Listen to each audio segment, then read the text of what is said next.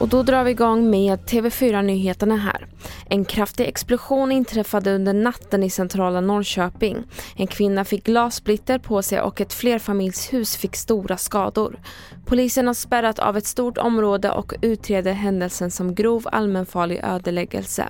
Ingen är än så länge gripen i vad som är den senaste i raden av flera grova brott i just Norrköping. Nu tittar polisen på om det finns något samband mellan händelserna.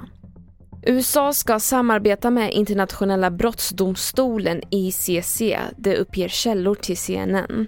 President Joe Biden ska ha beslutat att låta USA dela bevis med domstolen i utredningen om ryska krigsbrott i Ukraina. Beslutet innebär ett historiskt skifte då det är första gången som USA gått med på att samarbeta.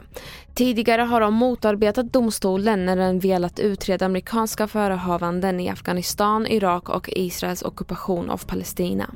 Och så till sist ska det handla om hästoro för det är nämligen blivit svårare för polisen att hitta hästar till myndighetens verksamheter. Det rapporterar SR.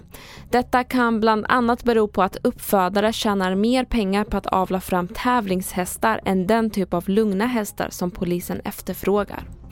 Fler nyheter finns på tv4.se eller i appen och jag heter Meriem Jamil.